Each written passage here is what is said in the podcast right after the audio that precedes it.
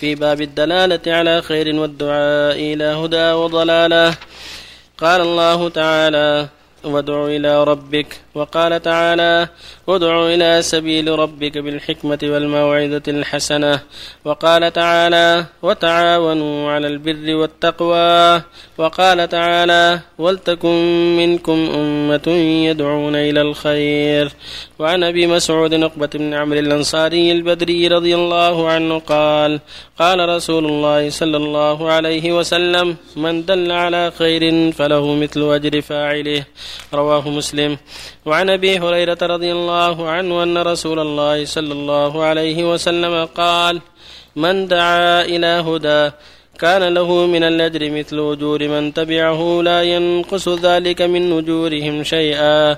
ومن دعا إلى ضلالة كان عليه من الإثم مثل آثام من تبعه لا ينقص ذلك من آثامهم شيئا. رواه مسلم. وعن أبي العباس سهل بن سعد الساعدي رضي الله عنه أن رسول الله صلى الله عليه وسلم قال يوم خيبر لأعطين الراية غدا رجلا يفتح الله على يديه يحب الله ورسوله ويحبه الله ورسوله. فبات الناس يدوكون ليلتهم أيهم يعطاها. فلما أصبح الناس غدوا على رسول الله صلى الله عليه وسلم كلهم يرجو أن يعطاها. فقال أين علي بن أبي طالب؟ فقيل يا رسول الله هو يشتكي عينيه. قال فارسلوا إليه.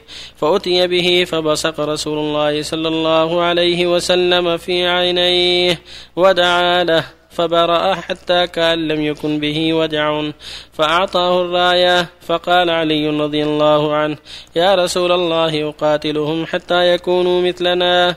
فقال انفذ على رسلك حتى تنزل بساحتهم ثم ادعهم إلى الإسلام. وأخبرهم بما يجب عليهم من حق الله تعالى فيه. فوالله لأن يهدي الله بك رجلا واحدا خير لك من حمر النعم. متفق عليه. وعن أنس رضي الله عنه أن فتى من أسلم قال يا رسول الله إني اريد الغزو وليس معي ما أتجهز به. قال ائت فلانا فإنه قد كان تجهز فمرض. فأتاه فقال إن رسول الله صلى الله عليه وسلم يقرئك السلام ويقول أعطني الذي تجهزت به. فقال يا فلانة أعطيه الذي تجهزت به ولا تحبسي منه شيئا. فوالله لا تحبسيني منه شيئا. فيبارك لك فيه. رواه مسلم. وبالله بسم الله الرحمن الرحيم. الحمد لله وصلى الله وسلم على رسول الله وعلى آله وأصحابه ومن اهتدى بهداه. أما بعد فهذه الآيات الكريمات والأحاديث الصحيحة كلها تدل على شرعية الدعوة إلى الله والنصيحة للعباد والتواصي معهم بالخير وأمرهم بالمعروف ونهي ما انكر هذا واجب المسلمين لأن المسلمين شيء واحد يجمعهم دين الله عز وجل. فالواجب عليهم أن يتعاونوا مع البر والتقوى وأن يتناصحوا إلى الله يدعو عالمهم جاهلهم وأن يتواصوا بالحق والصبر عليه حتى ينتشر الإسلام فيهم وحتى يدخل من جهل الإسلام في الإسلام وحتى تقوم الحجة على من عاند. ولهذا يقول جل وعلا وادعو إلى ربك. ويقول سبحانه قل هذه سبيلي أدعو إلى الله على بصيرة. ويقول سبحانه ادعو إلى سبيل ربك بالحكمة. والموعظة الحسنة وجادلهم بالتي هي أحسن. ويقول عز وجل ولتكن منكم أمة يدعون إلى الخير ويأمرون بالمعروف وينهون عن المنكر. ويقول سبحانه وتعاونوا على البر والتقوى. ويقول عز وجل والعصر إن الإنسان لفي خسر إلا الذين آمنوا وعملوا الصالحات وتواصوا بالحق وتواصوا بالصبر. كل هذه الآيات تدل على وجوب التعاون التواصي والتناصح والأمر بالمعروف والنهي عن المنكر والدعوة إلى الله. لأن الإنسان قد يجهل قد يغفل قد يملي له الشيطان أشياء فإذا دعاه أخوه ونصحه وجاء الآخر ونصحه وجاء الثالث ونصحه كان هذا من أسباب دخوله في الخير ومن أسباب مخالفته أهل الشر. أما الغفلة فإنه يكثر الشر ويقل الخير وينشط دعاة الضلالة. لكن مع نشاط دعاة الحق وتتبعهم أحوال الناس وصبرهم على ذلك يكثر الخير ويقل الشر. قد بعث الله الرسل بهذا عليهم الصلاة والسلام. بعثهم الله بالدعوة إلى الخير والتحذير من الشر. قال تعالى رسلا مبشرين ومنذرين. لئلا يكون الناس على الله حجة بعد الرسل. هذه دعوتهم التبشير والإنذار. تبشير بالجنة والسعادة لمن آمن والإنذار بالنار لمن عصى وخالف. وفي حديث أبي مسعود البدري يقول النبي صلى الله عليه وسلم من دل على خير فله مثل أجر فاعله من دل على هذه كلمة عامة من جوامع الكلم؟ من دل على خير فله مثل أجر فاعله إذا دلت على بر والديه وبر والديه بأسبابك لك مثل أجره. دللته على صلة الرحم ووصل الرحم بأسبابك لك مثل أجره. دللته على عفاء اللحية قلت هذا لا يجوز. عليك بعفائها وعفاها بأسبابك لك مثل أجره.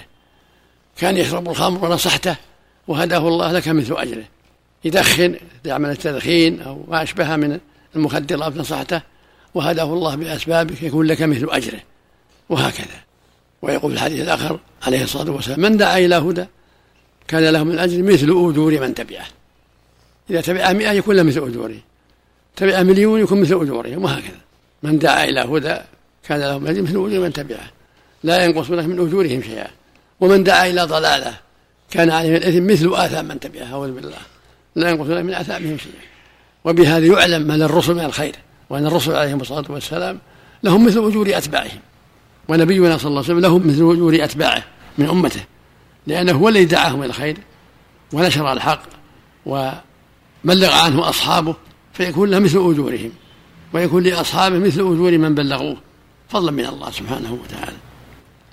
ولما بعث عليا إلى خيبر لقتال اليهود قال له عليه الصلاة والسلام أنفث على رسلك. يسير على مهلك لا تعجل حتى تنزل بساحتهم يعني بقربهم. ساحة القوم وسوحهم قربهم ما قرب منهم. يعني لا تنزل بعيد انزل قريب. لأن إذا نزل قريب صار أشجع له ولقومه وأوهن لقلوب الأعداء.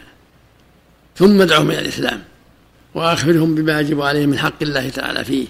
يدعو إلى توحيد الله شهادة لا إله إلا الله وأن محمد رسول الله ثم ما يجب من صلاة وغيرها. ثم قال صلى الله عليه وسلم لأن يهدي الله بك رجلا واحدا خير لك من حمر النعم. واحد. خير له من الدنيا وما عليها. مثل بحمر النعم لأنها أنفس أموال العرب والمراد خير لك من الدنيا وما عليها. وهذا فضل عظيم يدل على أن ينبغي للمؤمن أن يصبر على الدعوة وينافس فيها وأن يجتهد فيها حتى يكثر من يهديه الله على يديه فيحصل له مثل أجورهم.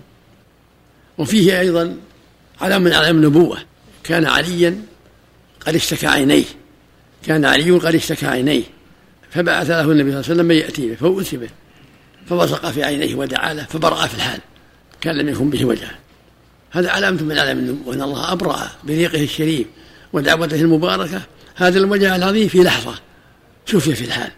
لما نفث عليه ودعا له برئ في الحال. ثم أخذ الراية والراية هي البيرك الذي يسموه الناس البيرك اللي يجتمع عليه الناس.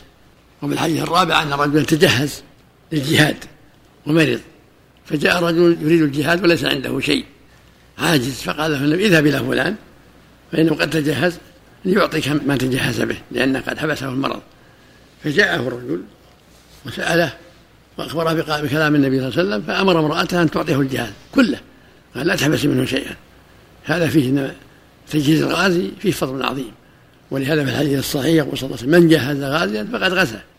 يوم أعطاه جهازه كأنه قد غزا يكون له مثل أجره غازي فالذي يجهز الغازي قد غزا والذي يعين الدعاة إلى الله ويعينهم على تبليغ الدعوة ويجهزهم بالسيارات وغيرها يكون له مثل أجورهم وفق الله الجميع. نعم. أحسن الله عملك يا شيخ. هل يجب أن تكون النية أو بدون؟ أحسن الله عملك الدلالة على الخير هذا؟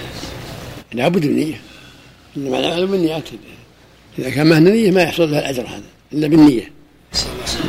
إذا كانت هناك جماعة في اليمين تدعو إلى الله عز وجل وجماعة أخرى في اليسار تدعو إلى الله عز وجل ولكن اليمنى تسب اليسرى واليسرى تسب اليمنى فما العمل عندئذ؟ الواجب نصيحتهم حتى يجتمعوا الواجب نصيحتهم وتحذيرهم من الفرقة حتى يتفاهموا في المشكل عليهم حتى يتفاهموا ويزول الإشكال. ثم التناقض هذا ينفر الناس من الدعوة حتى يقول العام من الحق معه؟ هذه فتنة. الواجب الاجتماع والتعاون وإزالة الخلاف بالطرق الشرعية. فعلى العلماء وأهل الخير أن ينصحوهم ويتوسطوا بينهم حتى يزول الخلاف حتى تكون الدعوة واحدة. أحسن عليك يا شيخ. ينقاد لأحد دون الأخرى؟ نعم. لا ينقاد. إذا كان يعلم عنده علم ينقاد التي معها العلم. إذا كان عنده علم هو ينقاد التي معها الحق يكون معها على الطائفة الأخرى حتى تستجيب. صلى الله عملك يا شيخ. هل يحكم على الكافر المعين إذا مات أنه في النار؟ صلى الله عملك إذا مات على كفر هي إذا مات على كفر فهو من النار. إن النية مات إن كفر ومات وكفر عليه لعنة الله والملائكة والناس أجمعين. نسأل الله العافية. سلمكم الله يا شيخ هل الواجب علينا العمل على إلغاء هذه الجماعات يا شيخ التي شتتت الشمل صارت فوضى الواجب السعي في إلغائهم حتى يكون كتلة واحدة حتى تكون دعوتهم واحدة. على ولاة الأمور وعلى أهل الحل والعقد أن يتوسطوا بالطرق الشرعية حتى تجتمع كلمتهم. وحتى يزول الخلاف بينهم. لأن الخلاف يضر المدعوين. يضر المدعوين. لا يضر من الحق معه. أحسن رأيك يا شيخ. بالنسبة للجماعات الذين ينتمون إلى الكتاب والسنة والذي دخل الشيطان بينهم وافترقوا كلهم يا الشيخ يعادون على حسب جماعتهم ويوالون على حسب جماعتهم ثم يسبوا بعضهم البعض. مثل ما قلنا عند الباديس الواجب على أهل العلم وعلى القادة أن يحلوا مشاكلهم ويجمعوهم. ويزيلوا ما بينهم من الإشكال حتى تكون كلمتهم واحدة وأن هذا شر عليهم على غيرهم. الفرقة الله يقول ولا تفرقوا ولا تكون كالذين تفرقوا واختلفوا من بعد ما جاءهم وأولئك لهم عذاب عظيم. لا بد من الاجتماع يقول سبحانه واعتصموا بحبل الله جميعا ولا تفرقوا. يجب الاجتماع والتعاون ويجب على السلطة الحاكمة وعلى أهل العلم أن يبذلوا وسعهم في جمع الفرق سنتين أو ثلاث فرق أو أربع. يجمعوهم حتى يزيلوا الخلاف الذي بينهم. حتى لا تكون شبهة للجهال. نعم. بالنسبة للانتماء كيف في مثل هذه الحالة إنسان ينتمي إليهم؟ لأنه يكون في بغض فيما بينهم. كل واحد يبغض الثاني كيف يجب- ينتمي يجب إليهم أن ينتموا للكتاب والسنة للإسلام. لا ينتمي للزيد والعمر يجب أن يكونوا كلهم تبع الكتاب والسنة وخدما للكتاب والسنة. ولا يتعصب لرئيسه ولا ولا آخر لرئيسه لا يتشبههم بالمنافقين أو بالخوارج أو بالمعتزلة. لا الواجب أن يكون هدفهم اتباع الكتاب والسنة. ليس لهم هدف سوى هذا. أعني يا شيخ الشخص الفردي الفردي من المسلمين إذا حصل مثل هذه الحالة كيف يكون موقفه؟ هل ينتمي إلى الأولى أم إلى الثانية؟ أم إلى الثالثة؟ أم يكون محايدا؟ يسأل من يطمئن إليه حتى يعرف الحق. يسأل العلماء أن يطمئن إليهم نعم. ولو بالسفر إلى بلد من بلد إلى بلد. نعم. حتى يسأل من, من الحق معه. ما هو الحق؟ ما هو الطريق؟ ما هو السبيل؟ حتى يدل على الخير. لابد يجتهد جزاك الله خيرا.